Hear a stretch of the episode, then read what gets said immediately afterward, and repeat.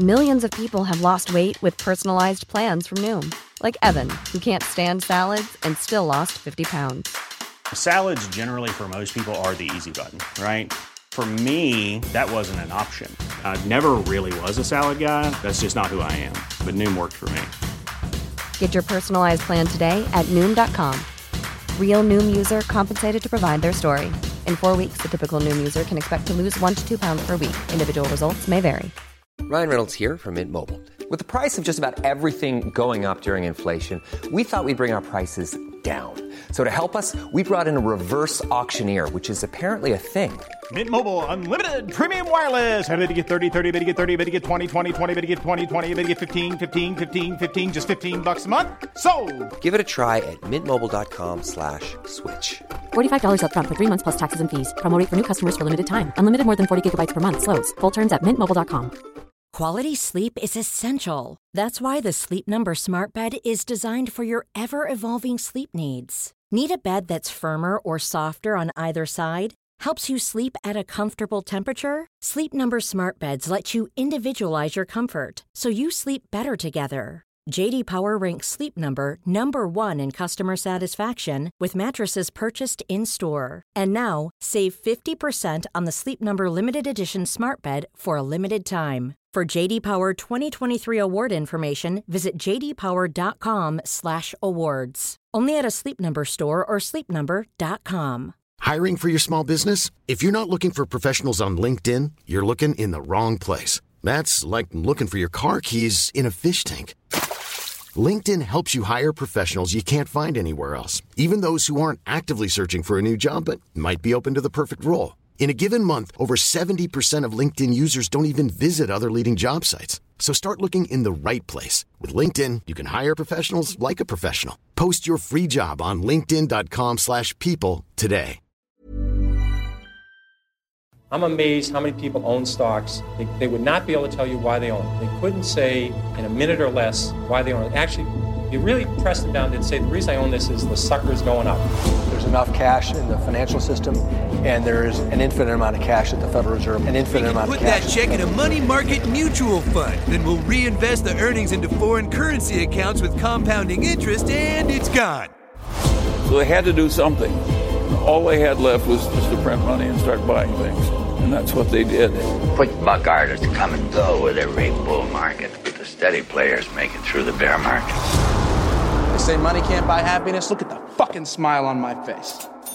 Hej och välkommen till ett nytt avsnitt av Market Makers. Du, eh, du heter Fabian och jag heter Niklas. Vi har fått kommentarer om att folk inte vet vem som är vem. Exakt. Jag heter Mm, Fabian. Så hur är läget Fabian? Det är bra. Du, jag, det är något roligt som hänt nu. Som alla vet så förflyttade jag mig för några år sedan till the UK, England. Och det är en sak här som har hänt eh, Brexit, att de ska gå ur EU. Eh, Inte och nu har, jag, nu har jag blivit inkallad på att jag ska göra någon, något så här nationalistiskt test eller någonting. Testa vad det heter. Det heter så här Pro-State Exam. Så vi får se vad det handlar Du säger om. det bara, jag är inte pro-state, jag är kapitalist, libertarian. Nej, jag vet inte riktigt vad det handlar om. Låter intressant. Får, återkomma nästa vecka med, med vad det är. Spännande, insider-rapport från eh, Brexit helt enkelt. Fa, fa, fa, fattar du min eh, Pro-State Exam-skämt? Nej, det fattar jag inte. jag fick inte ens ett skratt. Fan. Jag bara, det måste vara en riktigt dåligt delivery alltså. nej, nej, nej, det var roligt faktiskt. Okej, ja, ja, jag ber om ursäkt för det. Men jag, jag har ju, eh, för att försöka göra lite lynchning här, så har jag ju druckit vin här under kvällen. Eh, eftersom vi ska prata om vin sen. Så att, eh, det kanske är därför jag är lite slö i huvudet. Ja, det var roligt. Men du, vi ska prata den här veckan om någonting som eh, på sätt och vis berörs av Brexit. Vi ska prata om väldigt mycket e-handel. Eh, vi har dels ett väldigt klassiskt e-handelsbolag som eh, du vill nu hävda kanske är ett värdecase. Och jag tänkte prata lite om vin på, på nätet. Och det är ett UK-baserat bolag, så det känns ju också relevant. Ja, egentligen e-handel har ju sprungit iväg senaste året. Kolla på bolag som Si. Det är väl nästan fem gånger pengarna på ett år, sex gånger pengarna Nej, kanske mer till och med. Det, alla de här e-handelsbolagen har ju bara dragit iväg. Så vi tänkte, finns det några billiga alternativ ute på börsen som ändå printar rätt fin tillväxt? Och svaret är ja, det finns det. Precis, och de ska vi prata om idag. Vi berättar bara om vår process, hur vi tänker och så vidare. Du får alltid göra din egen analys och glöm aldrig att alla investeringar är förknippade med risk. Jo, vi ska ju prata om Ebay. Eh, Jag tänker väl att det här bolaget behöver ingen närmare presentation. De flesta känner ju till det vid det här laget. Det är en marknadsplats, du kan köpa saker, du kan sälja saker. Helt enkelt Tradera, fast på engelska. Ja, det har Ja, egentligen inte numera hänt. äger man ju Tradera dessutom. Ja, exakt. Så man är ju Tradera på svenska också. Grejen är att det har inte hänt så mycket för Ebay sedan de splittades från Paypal 2015. Jag tror det var Carly Khan som var aktivistinvesterare där som ville att man skulle slänga ut Paypal för han slog lite mervärde där än i när de satt tillsammans. Ja, men de borde ju ha gynnats nu under 2020 kan man ju tycka med corona när allt inom e-handel har gått upp. Exakt, och det är det som är intressant nu med Ebay, att de har ju fått igång tillväxten rätt ordentligt under 2020 just på grund av corona. I eh, liksom Q2, Q3, Q4 2020 så ser du liksom här 24, 25, 28 procent i tillväxt eh, som du kan jämföra med innan corona då det var negativ tillväxt per kvartal. Så du har ju verkligen sett från en riktig wow, wow till wow, här händer det någonting. Eh, På helåret växte man omsättning med 20 procent. Eh, GMV växte med 17 procent. Vinst per aktie växte 20 procent och man har en marginal där på 30 procent. Och inte bara det så guidade man dubbelsiffrig tillväxt i vinst per aktie för 2021. Det här betyder alltså att här händer det någonting i ett nästan förlegat bolag, ett bolag som alla har. Det som är intressant med eBay också till skillnad mot många andra spelare är att de är inte så geografiskt inriktade. De är väldigt globala. USA är en jättestor marknad såklart. Det är 32 procent av säljare kommer från USA. Men sen har du ju också eh, UK, du har Tyskland och här, de här länderna tillsammans står för 45 procent av säljarna. Så det är ett väldigt geografiskt diversifierat bolag, vilket jag tycker är väldigt intressant. Och även fast man kanske tänker att Ebay känns lite gammalmodigt, lite gammeldags, så är de fortfarande väldigt, väldigt populära. Klockar in cirka 1,6 miljarder besökare i månaden. Det är alltså världens tredje största B2C-marknadsplats. Eh, man kan jämföra det här med Amazon som är nummer ett. De har 5,7 miljarder besökare i månaden. Så att det är en bit från Amazon, men de är fortfarande liksom med i spelet fortfarande. Däremot så är de, hör de lite till den gamla skolan på något sätt för att de har funnits länge, men det betyder inte att de är dåliga för det. Nej, exakt. Men det man kan tolka som dåligt är att Ebay de drar sig lite med ett negativt rykte.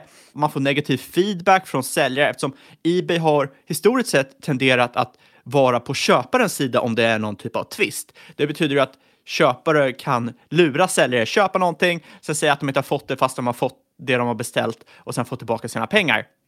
De jobbar rätt hårt på att förbättra det här eh, och förbättra det allmänna flytet på plattformen som kan kännas liksom rätt gammelmodigt i dagens värld. Det jag tycker är intressant med eBay är egentligen två saker, det, förutom värderingen. Det första är att man har gjort en väldigt stor investering i Adevinta. Man sålde sin classifieds-avdelning till Adevinta 2020 och där ska Ebay få 2,5 miljarder dollar i cash och 44 procent ägarskap i Adevinta. Och ni kanske känner igen bolagsnamnet. Det är ju nämligen så att TIN Fonder är ju en av eh, storägarna där. Gick väl in också 2020 har jag för mig. Hela det här ägandet på 44 procent står alltså för ett totalvärde på 10,7 miljarder dollar. Dessutom har man varanter i Adyen som värderas till 1,1 miljarder dollar. Stor betalplattform som jag har pratat om tidigare på den. Exakt. Det är en av världens största betalplattformar, en jätte. tror att H&M använder dem om inte jag minns fel sist jag var där. Ja, jag tror att det, det är väldigt många som använder dem eh, idag. De har, de har ju växt otroligt fint senaste åren. 2020 var ett jättebra år för Adyen, som många andra betalplattformar. Totalt så står ju de här investeringarna som sagt ut nästan 12 miljarder dollar. Och det här är alltså ett bolag som är värderat till 42 miljarder dollar, alltså Ebay. Eh, Så att de har en väldigt intressant investeringsportfölj. Nummer två är en väldigt eh, ny grej som har kommit in senaste åren och det är autentisering av sneakers och kläder. Och det här kanske låter jättekonstigt. Vem bryr sig om att autentisera second hand-kläder? Men återförsäljning är faktiskt en jättestor business online. Eh, du har flera unicorn startups som StockX och Goat. Och det här handlar inte om liksom gamla sketna, håliga Eh, skor som man ska slängas, det här handlar alltså om sällsynta utgåvor, handlar om limited editions, det är alltså samlarobjekt. Och har du sett till exempel Michael Jordans dokumentären på Netflix så förstår du, det är en viss hype kring vissa typer av skor, till exempel Jordans. Och eh, de här skorna, det rör sig alltså från eh, några hundra dollar som återförsäljning till några hundratusen dollar. Så för att folk ska vilja köpa de här online, en plattform, så kräver de ju autentisering för att de inte ska kunna få fakes. För vem vill sitta där med ett par fejkskor som de har pungat ut några tusentals dollar för? Inte jag. Nej, inte, jag hade ju aldrig köpt ett par skor för några tusentals dollar. Men det finns, det finns många som... Resale-marknaden för streetwear och sneakers är eh, för nuvarande värderat till 2 miljarder dollar bara i USA, växer 20 procent year on year och förväntas vara värd 5 miljarder dollar till 2025. Så det är en extremt stor marknad och att ha en sån här tjänst, det attraherar ju en ny demografi uh, av köpare som kan stanna kvar på plattformen och leda till en ökad användarbas. Uh, global, globalt är marknaden ännu större och det är det som är intressant med eBay. De är ju en global spelare. Du har uh, globalt så är hela marknaden värd 6 miljarder dollar och framförallt så är konkurrenterna StockX, Goat, som har ett duopol i USA, inte alls lika stora globalt.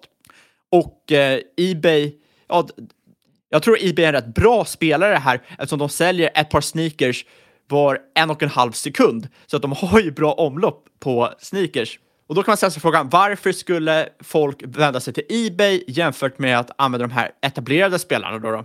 Jo, för Ebay har ju lanserat en no-fee-tjänst för autentisering för eh, skor och produkter värda över 100 dollar. Och där kan de göra, för att de har en stor kassa, de har en kassa på nästan 4 miljarder dollar. Och eh, då kan de ju taktiskt använda den här för att ta market share som vägs upp av andra områden som inte behöver autentiseras och då kan man jämföra det här med till exempel Stocksex, De tar en processingavgift på 3% De tar en nästan 10% i seller fee och nästan samma sak på Goat. Så att ska du sälja ett par skor för flera tusen dollar, då blir du av med en jättestor del av kakan direkt genom att gå över de här plattformarna. Och det kan ju få dig, om du kanske livnar dig på återförsäljda skor, att vända dig till Ebay som alternativ istället. Nu är jag dock lite nyfiken här Fabian. Vi pratar ju om att det här är någon form av värdecase. Här. Det är väl inte så att de eh, ger utdelning och sånt också? För då, då kommer det börja vattnas till eh, rejält i munnen. Självklart ger de utdelning sedan 2019. Va? Det är ingen lång historik, men de gör det. Det är inte så mycket utdelning, Otroligt. det är cirka 1 procent, men de gör det. Dividend aristocrats, here we come. Ja, snart är vi här baby. Uh, delar inte ut så mycket av vinsten, bara cirka 20 procent. Men det här ger rum för ytterligare tillväxt, det ger rum för buybacks. Och eBay har nämligen varit väldigt, väldigt aggressiva i buybacks sedan de spelade off från Paypal 2015 och utstående aktier har minskat med nästan 50 procent sedan dess. Och det är ju om något att skapa aktieägarvärde. Men som sagt, den stora frågan är ju om Ebay kan hålla kvar den här tillväxten efter corona eller om den kommer försvinna lika snabbt som den kom. Och det är den stora frågan, för utan tillväxten så är ju inte bolaget så intressant. Då ser det inte så billigt ut, utan då kanske det tvärtom är rätt dyrt. Hoppar man in på nyckeltalen så har du ett EV eh, sales på 4,6, ett PE på 18, under historiska medlet och eh, ja, vill man ha ett billigt e-handelsbolag så kan man nog inte hitta mycket billigare än Ebay. Eh, särskilt när man kollar på de andra spelarna. Jag menar, snitt P bland de största spelarna är cirka 70. Om, om de ens gör någon vinst. Exakt, om de ens gör någon vinst, vilket många inte gör. Däremot ska man ju ta hänsyn till att 2021, eller 2020 var ett speciellt år. Snittar man ut P över de senaste tre åren så ligger det snarare på 21, vilket är högre än 18. PEG, jag tycker inte man behöver egentligen gå in på det. Det är rätt missvisande eftersom tillväxten har gått, in, eh, gått upp väldigt, väldigt mycket under 2020. Däremot bruttomarginalen 76 procent, vinstmarginalen 25 procent, ROE 71 procent, nettoskulden är strax under 17 procent och det här har faktiskt växt under de senaste åren och det här är för att Ebay jagar en mer effektiv kapitalstruktur för att kunna avkasta högre. Nu när räntan är låg kanske det är värt att ta på sig lite mer skuld istället för att betala av skulderna. Om ska sum summera det här caset då, då. Ebay, ja, det är ett bolag som har varit down and out, men har fått en rejäl skjuts av kronan. Du får bra tillväxt till en decent prislapp med några intressanta nya initiativ och investeringar. Men den stora frågan är om de kan behålla tillväxten framöver. Ja, det är ju lite intressant där. Det känns ju ändå som att, eh, vi pratade om det förut, att FANG-bolagen, alltså Facebook, Amazon, Google och så vidare, har ju också börjat bli liksom relativt billigare. Alltså, många kommer ju tycka rygga tillbaka av P20. Eh, men med tanke på att de växer 20-30 procent per år och har gjort det så uthålligt nu så tycker jag att P20 är ganska billigt. Och, och det här är samma sak. Ebay kanske också blivit den här Eh, jag vet inte, så här, gamla, gamla generationen liksom, av techbolag eller internetbolag som har växt upp men fortsätter avkasta bra, men folk tycker inte de är, de blir inte lika hypade för att det inte är det nyaste senaste. Men det är bara att titta på PS-talet för, för Ebay är ju någonstans mellan 2 och 4 eller någonting och, och för Shopify är det liksom närmare 70. Det är ändå lite bättre margin of safety i ett bolag som Ebay då kan tycka om de upprätthåller eh, tillväxttakten. Jag håller med. Det går ju snabbt det här från att vara marknadens darlings som de här fangbolagen och gårdagens techbolag var för några år sedan. Verkligen, och eftersom Ebay inte är lika hypat längre, ja då glömmer man bort det lite grann. Så det är ja, kul att du lyfter upp det här bolaget tycker jag, för det, det är ändå ett eh, etablerat varumärke som ser inte riktigt vad som skulle äta marknadsandelar för dem. Men däremot så är frågan också om de kan upprätthålla tillväxt som sagt. Exakt, och där är ju grejen att de kanske har skrämt iväg potentiella kunder för att gammalmodiga, taskig plattform, eh, inte ens så schyssta mot säljare eller historiskt sett har varit det. Men jag tycker det är ett extremt intressant case om man som investerare är mer priskänslig, men, men ändå vill äga någon typ av e-handel eller marknadsplats i portföljen.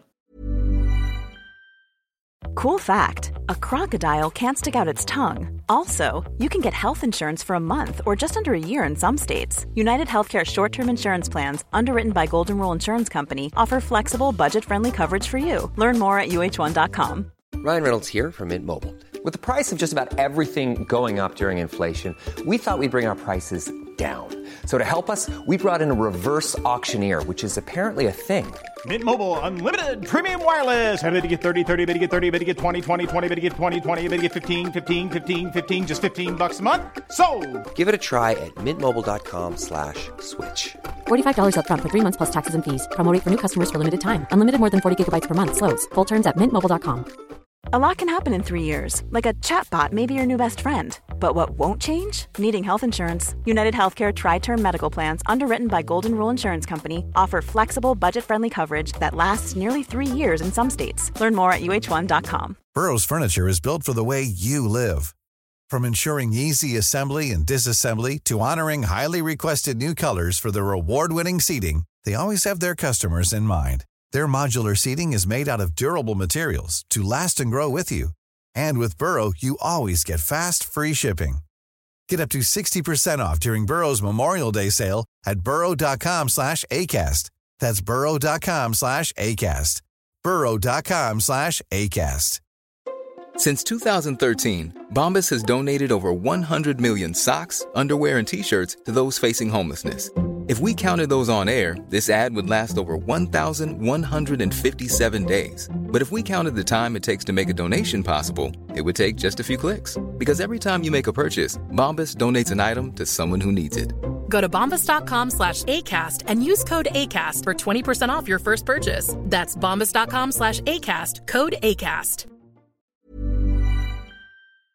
Sen ska vi hoppa in på något annat lite mer nischat inom e-handel, men också e-handel och eh, en ganska attraktiv prislapp kan jag tycka. Och Det här är ju ett ämne som ligger mig varmt här om hjärtat måste jag säga. Eh, det är ju Naked Wines eh, som på sätt och vis kan man säga håller på med crowdfunding för vin. Och De här är ju grundade från första början i Storbritannien och är fortfarande ganska stora. Storbritannien tror jag att det är nästan 40 procent av omsättningen ligger där. Så vi får väl se om du har något utlåtande sen om den här tjänsten också. Jag har ju inte möjlighet att testa den. Eh, däremot tror jag att det påminner lite faktiskt om svenska Fanwine som jag vill slå ett slag för. Eh, men i princip går det ut på att man har ett antal änglar som de säger, då, så tänk då ängelinvesterare eller så, som går ihop och eh, i princip förbeställer eller sponsrar eller investerar i ett vin. Och sen då om man når upp tillräckligt liksom, stor volym i det här så blir det en beställning. Eh, det här betyder att vinbonden får förbetalt så det är mindre risk för han eller henne. Eh, lite samma koncept som när man håller på med primör, det vill säga att man förbetalar ett vin som ska produceras. Eh, och de här änglarna får ju dessutom väldigt mycket värde för sina pengar. De får ju ett väldigt prisvärt vin eh, och ofta kanske väldigt gott och hantverksmässigt också. Någon som jämför det här med en, en publishing business, alltså en förläggare egentligen, det tycker jag är ett ganska bra sätt att se på det egentligen. För att de eh, betalar i förväg för någonting som levereras senare. Eh, och just det här konceptet är ju extra intressant just med vin eftersom vin tar väldigt lång tid att producera. Speciellt om man skulle verkligen dra ut över hela cykeln från plantering av vinrankan. Sen ska ju den stå i 10, 20, 30, 40 år innan den faktiskt ger riktigt bra viner. Och sen så ska det dessutom ligga och lagras några år och så vidare, den här vinen. Så det tar väldigt många år från, från liksom eh, att du sår fröet till att du har en färdig flaska i handen. Eh, och då är det ju bra att kunna få in de pengarna och finansiera i förväg. Sen, det som är intressant med just Naked Wines då, jämfört med vanlig crowdfunding, det är väl att man har gjort det här till ett medlemskap, så det är någon form av wine as a service. eh, och medlemmarna, de betalar då, man blir medlem helt enkelt, det är en prenumeration, och så betalar man då minst 40 dollar per månad, eller jag tror att det är 20 pund i, i UK. Så man betalar det per månad, det finns ingen övre gräns, du kan lika gärna lägga in 100 000 per månad om du vill också. Men de här pengarna du stoppar in, de blir då till wine credit, så det är alltså krediter som du sen kan använda på plattformen för att då köpa eller investera då i vin som sen kommer produceras och levereras hem till dig. Plattformen sagt är en win-win. Det blir bra för konsumenterna. De får väldigt mycket värde för pengarna för att du köper det här billigare. Vi ska återkomma till det, varför det här är en väldigt stor grej, framförallt i USA. Eh, men det blir också bra för vinmakarna som dels tar mindre risk, men de får också mycket närmare kontakt med sina kunder och kan liksom prata. De är ofta inne och svarar och kommenterar på recensioner och sådär och försöker liksom möta egentligen eh, kundernas behov. Plus att de kan ju lägga ut projekt och säga ja, men jag skulle vilja göra det här och det här och sen får ju kunden så att säga rösta med fötterna. De kan ju lägga in credits på det vin som de faktiskt vill ha. Men lite bakgrund då. De grundades 2008 i England. Eh, det är inget jätteungt företag alltså ändå. Man grundades som sagt i England och det står för knappt 40 procent av omsättningen. Men det är USA som är absolut störst. Och sen har man också en del i Australien. Eh, och Det var lite roligt här, för tajmingen just med att starta där precis finanskrisen 08 eh, kunde inte varit bättre. För att säkra intäkter var ju någonting som verkligen var önskvärt hos vinmakarna. Då. Eh, och därmed fick man ganska fort bra uppslut, eh, uppslutning på plattformen, vilket betyder att man hade bra utbud. Och Här är ju någon form av nätverkseffekt. Desto bättre producenter och mer utbud du har, ja, desto fler kunder kommer in och desto fler kunder som kommer in, desto bättre utbud eftersom fler vinproducenter vill ansluta sig. Men sen 2015 blev man uppköpta av Majestic Wine och det här är en ganska stor liksom, retailhandlare eller vinhandlare i England. Eh, och de var dessutom listade på Londonbörsen med tickern Wine. Eh, man vill helt enkelt ta sin verksamhet som inte växer särskilt snabbt men genererade stora kassaflöden och investera den i någon form av tillväxtbolag och då fick det bli Naked Wines. I augusti 2019 genomförde man dessutom sedan en försäljning av Majestic Wine-delen. Så nu, om man går in och tittar på bolaget Wine, då är det alltså Naked Wines. Men man ska med sig att från 2019 och bakåt så är det alltså också Majestic Wine inbakat i de här siffrorna. Och eh, innan 2015 så är det bara Majestic Wine. Så man hade ändå fortfarande då kanske mellan 10 till 15 procents tillväxt per år. Eh, men Naked Wines är lite mer av en snabbväxare skulle jag säga än Majestic-delen. Och Det som är väldigt lockande med den här delen, förutom tillväxtfaktorn som vi ska återkomma till, är ju det här med prenumerationerna. Då. Visst, det här är inte liksom essentiella eller livsnödvändiga varor som, som som kanske inte kommer bli liksom Fortnox-multiplar, men det är ändå väldigt säkra intäkter. Det gör att man kan vara väldigt, väldigt eh, kapitaleffektiva eftersom man får in pengarna i förväg och sen vet man vad som ska ske och sen så betalar man ut dem. Alltså man, man får in pengar innan man ska spendera dem. Som sagt, det går att planera här väldigt väl och eh, bolaget har en ganska låg risk. Eh, man har dessutom en ganska låg körd. Jag tror nu senaste rapporten här så vis, uppvisade man över 90% retention rate eh, och man tror sig kunna ligga någonstans kring 90% över tid.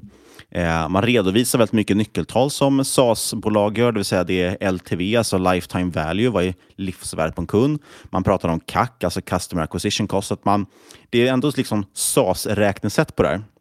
Och man har gjort ganska mycket generellt också smarta grejer tycker jag bolaget som varit roliga. Bland annat för några år sedan här så eh, gjorde man en vinobligation, det vill säga där man lät sina kunder låna ut pengar till företaget. Eh, så man fick en bra finansiering där. Och då erbjöd man kunderna att om, om ni tar era, man kan ta, ni kan ta era kuponger eller er ränta i wine credits istället och då fick de bättre avkastning på det. Eh, så kunderna lånade ut pengar till bolaget som de sedan använde för att spendera på plattformen också. Eh, och då är frågan, så, okay, e-handel, det känns inte som att det kanske har jättestarka vallgravar. Eh, men dels har vi den här nätverkseffekten som man pratade om, det vill säga där du börjar bygga upp ett namn och så vidare och du har det här mm, tillräckligt bra utbud och tillräckligt mycket kunder så, så blir det i sig intressant. Man har dessutom väldigt mycket data i och med att man har miljontals vinrecensioner i dagsläget. Eh, så man kan börja ge rekommendationer och man pratar om att man har en eh, man ska bli Netflix för vin egentligen. Man har bland annat en produkt som heter Wine Genie på gång som då kan ge rekommendationer på viner man ska gilla. Men det som verkligen tror jag är sticker med det här, det är att man i USA eh, haft ett speciellt system efter förbudsperioden som har varit väldigt dåligt för konsumenterna. Man har haft det här three-tier-systemet man pratar om. Det, så det har varit tre stycken nivåer egentligen. Först har du en vingård, sen är det någon form av importör-distributör och de har verkligen skott sig på det här systemet och sen skickar de ut i butik då, som får sälja det. Så kunden får ju betala alltså marginal till tre olika aktörer där framförallt den här i mitten då har verkligen sugit ut systemet. Eh, Naked Wines har ju kringgått det här genom att registrera sig legalt som en vingård i USA eh, och kan därmed sälja direkt till kund. Eh, så man har kapat en del i processen eh, och man liksom, det är bra för kunden helt enkelt. Och det är tack vare just den här delen som man tror sig också blivit så stark i USA jämfört med, med England. Då. Eh, för i England kan man inte ge samma prisfördel, alltså det blir inte lika lönsamt för kunden att gå med naked wines, naked wines. Så då blir det mer en kul grej kanske. Men i USA så gör det väldigt, väldigt mycket skillnad i pris. Framförallt om det börjar gå upp i pris på viner också. Så desto mer det går upp i vin, desto billigare blir det. Eh, faktum är, det är rätt intressant, många liksom Tittar man på statistiken vad vin kostar i USA så, att, så är även de billigare vinerna är faktiskt dyrare än vad de är i Sverige. Och då ska vi ändå tänka på att i Sverige betalar vi någonstans eh, 40% skatt också på, på en flaska vin. Så det är väldigt, stor, eh, väldigt dyrt faktiskt i USA, även för ganska skräpiga produkter. Och tittar man då på Total Addressable Market, om vi ska prata, fortsätta prata SAS-termer och sådär, eh, så en analys här av RGA Investment Advisor som var rätt intressant. Och där tittar man då egentligen ut på på den del som, som eh, Naked Wines agerar på eh, så skulle det finnas då egentligen en, en, fyra gånger så stor potential i USA. Man är redan idag marknadsledare, men ungefär fyra gånger till större så finns, är potentialen och det är liksom den adresserbara delen. Sen är ju vinmarknaden ännu större. Och skulle man framförallt kunna bredda ut sig mer mot premiumsegmentet eh, så skulle det vara också ännu mer intressant. Vilket inte är helt orimligt, för eftersom Naked Wines prisfördelar blir större och större, eh, desto dyrare vinet är som jag pratat om. kan man se ganska tydligt, det finns en, en fin graf på det som man tittar på snittpriset på Vivino mot Naked Wines priser. Och då ser man egentligen samma förhållande som vi har i Sverige, eh, i och med att Naked Wines har en fast marginal, ja, då blir det mer och mer prisvärt för kunden desto dyrare det blir. Precis som att det i Sverige är samma som med Systembolaget som inte har Systembolaget kör också fasta marginaler. De lägger inte på något premium, någon premiummarginaler på premiummärken eh, och de är inte riktigt vinstdrivande på det sättet. Så att I Sverige också så köper du ett väldigt billigt vin så får du ganska lite för pengarna. Men köper du ett väldigt dyrt vin så får du väldigt mycket för pengarna för att eh, priset skalar liksom inte med kvaliteten. Ja, jag tycker wine är en otroligt intressant produkt. För jag menar, det är exakt som du säger, det är, det är ju horribelt att vara vinmakare.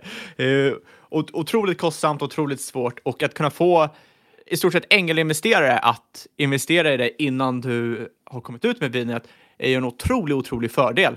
Och eh, sen att du som konsument kan få billigare vin, du, ja, det är ju ett win-win scenario för båda delarna och det tror jag är en väldigt stor styrka för, för wine. Och det visar sig också, jag menar i deras kack som vi ska gå in på lite, lite senare, jag ju själv... Ja, och, och egentligen är ju just det där konceptet inte helt nytt. Eh, man pratar ju, man finns ju något som kallas för primör inom vin också. Då är det ofta också att man nästan ett år i förväg ofta beställer eh, lite bättre viner.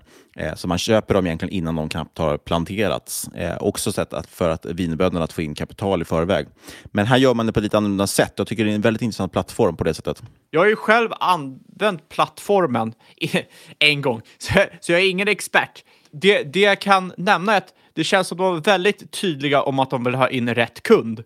Jag, jag, jag tror inte de vill ha in någon kund som inte alls är intresserad och är medlem en månad och sen försvinner, utan de vill satsa på att få in långvariga kunder. Det det märks rätt tydligt på deras introprocess. När du går in på Naked Wines hemsida så kommer du inte direkt till någon typ av e-handel, utan du får trycka på en knapp, heter Get Started och du går igenom en hel process där du får något manuskript, du, går igenom, du måste göra ett quiz och hela den här processen tar några minuter. Jag själv tyckte att det här var sjukt irriterande, för jag ville bara liksom direkt in, skip this shit och bara gå in och sitta och scrolla. Men eh, om man tänker från deras sida så vill de väl antagligen övertala kunden om varför wine är annorlunda, eh, vad det används till Eh, även om jag tycker att det är lite osmidigt gjort så förstår jag ju processen bakom det. Jag tror också det kan finnas en, eh, en tanke med det där också. Det var någon analys jag såg här, jag tror att det var från eh, Trading Alloy, så skrev de just om det att eh, de negativa recensionerna som finns kring Naked Wine, handlar, eller Naked Wines, handlar ju nästan alltid om att de, folk känner, har känt sig lurade. Som sagt, majoriteten av recensioner är positiva, men det finns några negativa och då gick de igenom och tittade lite vad, vad brukar det vara folk klagar på? Och då är det framförallt folk som, trott, som inte förstått att det var ett medlemskap. Så jag kan tänka mig att en del av den här långa onboardingen beror sig på också att man vill tydliggöra verkligen att det här är ett medlemskap. Du blir medlem och kommer betala ett fast pris varje månad. Det som dessutom ska tilläggas är att de som har gnällt på det, det är ju som sagt, det, det framgår ett antal gånger under onboardingprocessen som ny kund och dessutom har man en 100% money back-garanti eh, så att det är bara att få tillbaka pengarna om du känner dig besviken. Absolut. Och det första jag tänkte när jag gick igenom var helvete vilken dålig process. Väldigt mycket friktion. Det här gör ju att jag, jag stängde faktiskt ner det där fem gånger innan jag insåg att jag måste gå igenom det här för att Jag måste hem vinet. ha lite till det här caset. Ja, jag måste hem vinet. Men sen när man tänker efter, det kanske inte är så illa. Även om de kanske konvertar mindre människor så konvertar de rätt människor, vilket gör att de håller i de här en längre period. Sen också när man kommer in på deras hemsida så de har ju faktiskt en webbshop. Den är väldigt liten, men man måste inte vara ängel för att köpa viner. Däremot så finns det Angel Wines som är exklusiva för just de som investerar.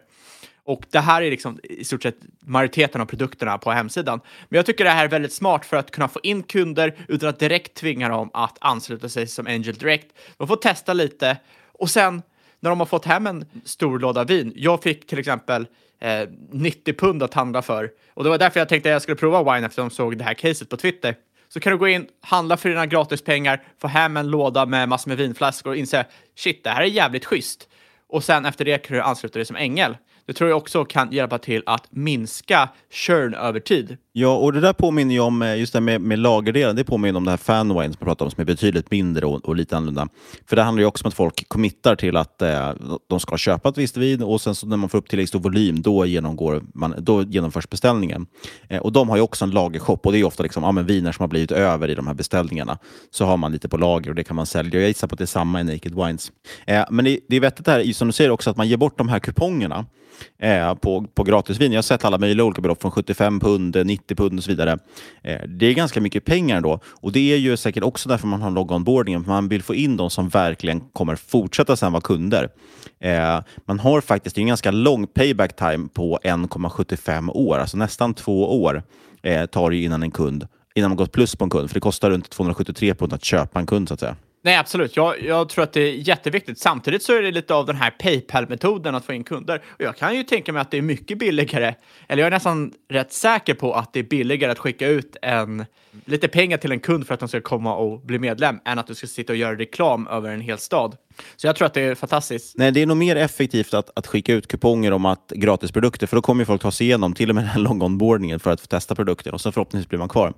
Eh, och vi kan prata... Ja, det var ju därför jag, jag gick in på hemsidan från första gången. Ja, vi, vi kan prata lite om de här just eh, SAS-siffrorna, long, lifetime value, alltså LTV och Customer Acquisition Cost, CAC. Då.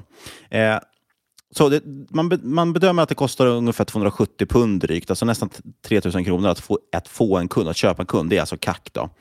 Eh, och baserat då på värdet av kunden så, så kommer den då det är en payback time, alltså break-even på kunden efter nästan två år, 1,75 för att vara exakt. Så kunderna måste ju vara kvar länge. Eh, men det ser man ju också, sagt, man har 90% net retention rate, det vill säga att 90% av det stannar kvar. Bolaget redovisar faktiskt en 20 års lifetime value. Eh, jag kan tycka att det är lite saftigt med tanke på att bolaget knappt har funnits i 20 år. Eh, men det är skönt att de har självförtroende å andra sidan. Deras femåriga lifetime value där ligger däremot på 527 pund. Så man har alltså dubblat då värdet på det här egentligen. Och eh, på, på 20 år som sagt, blir det ännu högre. Där redovisar man 1373 eller något sånt där pund. Så det är bara att ta egentligen 300 000 så kallade änglar, säger man att man har idag som kunder. Eh, och med fem års eh, lifetime value så ger det 158 miljoner pund i intäkter ungefär. Eh, börsvärdet idag är 535 miljoner pund. Eh, så det, det, är liksom inte så jättesvårt att räkna hem det. Du landar på ett PS på två någonstans eh, och det, det stämmer ganska väl överens med, med dagens siffror också. Lite stora trender som talar för det är väl också att e-handel för vin förväntas dubblas kommande fem åren enligt 2021 års Wine Shipping Report. Eh, där de pratar om just direct to consumer vinförsäljning. Eh, och listar man anledningar som att många har upptäckt vin e-handel under corona, vilket gäller all form av e-handel förstås. Man tror att hemarbete tros fortsätta, vilket betyder att fler kör inte förbi affären så man måste få det hemlevererat. Eh, och sen är det fler och fler vinproducenter som ser fördelar med den här modellen. Eh, framförallt kvalitetsproducenter som vill liksom testa nya viner och sådär och, och får då göra det ganska riskfritt. Den här direct to consumer-marknaden, alltså direkt till konsument, växer med 13 procents kagger för vin. Eh, växte hela 40 procent dock under eh, första halvåret 2020. Eh, inte så konstigt. Men Naked Wines är idag marknadsledare redan och fortsätter utan ha marknadsandelar, vilket alltså betyder att man växer snabbare än marknaden i stort. Eh, och Tittar man då hur bolaget opererar så har man ganska mycket skalfördelar, vilket borde kunna ge en rörelsemarginal på runt 10 procent på sikt, kanske till och med lite över det. Eh, just idag ligger det negativt för man investerar väldigt mycket tillväxt, men bruttomarginalen ligger på närmare 40 procent och där ligger även eh, FCF-marginal, alltså fritt kassaflöde. Så ett intressant bolag. Eh, de levererar bara halvårsrapporter idag. Eh, senast växte man dock 80 procent year over year. Eh, och som sagt, det är till ett price to sales på 2. Och just det är perfekt, slipper man läsa så mycket. ja, just det här med halvårsrapporter, det är faktiskt en del av optionaliteten också i det här caset. Och det är ju att om man skulle kunna ha en omlistning från England till USA. Eh, för det tycker jag är väl nackdel med bolaget idag. Man ligger i, i England på den här AIM-listan som är väldigt liten. Vi har pratat om det förut, att AIM to Nasdaq-noteringen har varit väldigt stort. Eh, och man pratade om det för ett och ett halvt år sedan. Eh, alltså, som, sommaren 2019 annonserade man att man, hade, att man ämnade att lista sig på just Nasdaq eh, i och med att man har stora framgångar i USA. Det har dock fortfarande inte hänt någonting idag och man, man prioriterar inte den omlistningen. Men den finns ändå där i korten som en, en form av option. Då. Och det hade varit eh, rätt intressant för bolaget. Absolut, jag håller med. En, en sak jag har sett negativ aspekt kring Naked Wines, det är transparensen i priserna. För de hävdar ju att det är dels billigare att handla via plattformen och dels ännu billigare att vara Angel jämfört med marknadspriset. Men det är ju många viner som inte direkt finns på marknaden heller för att de går direkt via Eh, leverantörer som eh, Naked Wines. Precis. Det blir ju svårt att jämföra någonting när vinet bara finns där, ja, precis. Eh, däremot så som själva modellen är uppsatt så, så borde det bli, i alla fall den insikt jag har i, i prissättningen på viner, så, så borde det här ges precis samma fördelar egentligen som sagt som Systembolaget kör. Eh, så desto dyrare, desto mer får du faktiskt kvar. desto mer får vinbonden faktiskt kvar. Så jag tror ändå på den modellen. Man, det finns ändå den här, så att man jämför mot eh, Vivino-pris i alla fall, där är väl ändå hyfsat. Eh, och då ser man att det faktiskt är lite billigare på Naked Wine, speciellt om du kliver upp. För varje hundralapp du lägger på, desto mer och mer eh, får du som konsument. Så att säga. Ja, var, var det ett väldigt långdraget case? Hur skulle, du, hur skulle du summera det här? Då? Det är lite roligt med, med Naked Wines, för det finns mycket likheter med Endor faktiskt, som vi pratat om. Dels den här potentiella omlistningen som skulle innebära mycket bättre IR och, och bättre synlighet och uh, fler helt enkelt eh, som är intresserade av att investera i bolaget. Sen har man dessutom haft en rejäl boost av corona. Eh, det är en marknad som har gynnats av, av corona helt enkelt och att folk har varit hemma. Just i Naked Wines fall är det dock lite skillnad där, för Endor de har ju lite mer engångsförsäljning medan Naked Wines har eh, prenumerationer. Vilket betyder att all form av kundtillväxt man får in under 2020, om, om man får en boost liksom under 2020 av corona, ja då kommer man ju fortsätta skörda de frukterna framåt också, för det är återkommande intäkter. Så nu när vi har haft 80% tillväxt year over year, ja det betyder 80% tillväxt av de här återkommande intäkterna framåt också. Eh, och med tanke på hur marknaden växer, e-handel vinner mark och den här modellen då gynnar amerikanska konsumenter så tycker jag ändå, eh, och det är väl någonstans där man guidar tror jag också, kring 15-20 procents tillväxt eh, årligen och framåt. Så jag tycker ändå det är ett intressant case. Det som tar emot förstås, det är ju det här att man måste har du Avanza eller Nordnet så, så måste du ringa in och lägga en order. Eh, annars är det väl DeGiro skulle jag gissa på att ha de här. Jag är ganska säker på det. Eh, tror faktiskt även Nordea. De har ganska bra utbud på Nordea och eh, billiga priser faktiskt också. Ja, så, så det, det, är lite ja. svårare som svensk att få ta på aktien. Och ringer man in via Avanza så där, ja, då måste man kanske lägga en, en, större order än vad många privatsparare brukar göra. Så att, ja, Nå några miljoner viss, eh, brukar räcka, så det är inte så farligt. Nej, men jag tror ändå, det är i alla fall 30-40 tusen någonting bör du väl lägga i en order i alla fall för att jag ska börja gå och räkna hem courtaget hyfsat. Så jag vet inte, jag tycker det är ett spännande bolag i alla fall. Eh, jag ska också lägga in två länkar till avsnittsbeskrivningen. Dels en intervju med vdn som är väldigt intressant, finns i podcast och tror jag videoformat.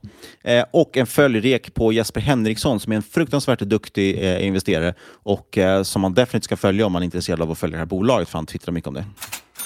Och med det är vi väl klara med Enel för den här veckan? Ja, det gick snabbt. Oavsett, inget av den här podcasten ska ses som rådgivning. Alla åsikter, våra egna eller och eventuella sponsorer tar inget ansvar för det som sägs i podden. Tänk på att alla investeringar är förknippade med risk och sker under eget ansvar. Jajamän, och vill du prata om ansvar, kontakta oss på podcast marketmakers.se eller på Twitter at marketmakerspod. Och varför ska man gå in där Fabian? Jo, för ni kanske tänker, varför ska man använda Twitter? Donald Trump har ju blivit bannad därifrån. Men det är faktiskt så att vi twittrar ju, släpper analyser och grejer som vi inte har med i podden. Så att eh, vill ni ha mer content än en gång i veckan, ja, då ska ni följa oss på Twitter för att lite då och då så släpper vi lite coola takes på det som händer på marknaden. Så in och följ oss där. Det är där det händer. Exakt. Och glöm inte att lämna en recension på iTunes så vi sticker upp i listorna så folk tycker vi är coola. Sist men absolut inte minst, vad vill vi göra då Niklas? Vi vill säga stort, stort tack för att du har lyssnat, kära lyssnare. Vi hörs igen om en vecka.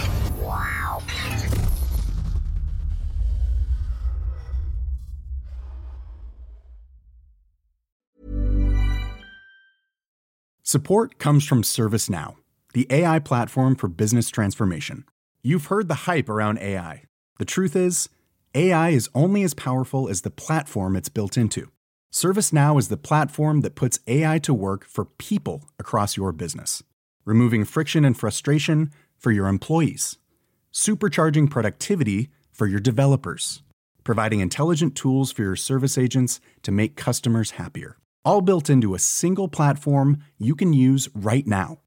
That's why the world works with ServiceNow. Visit servicenow.com slash AI for people to learn more.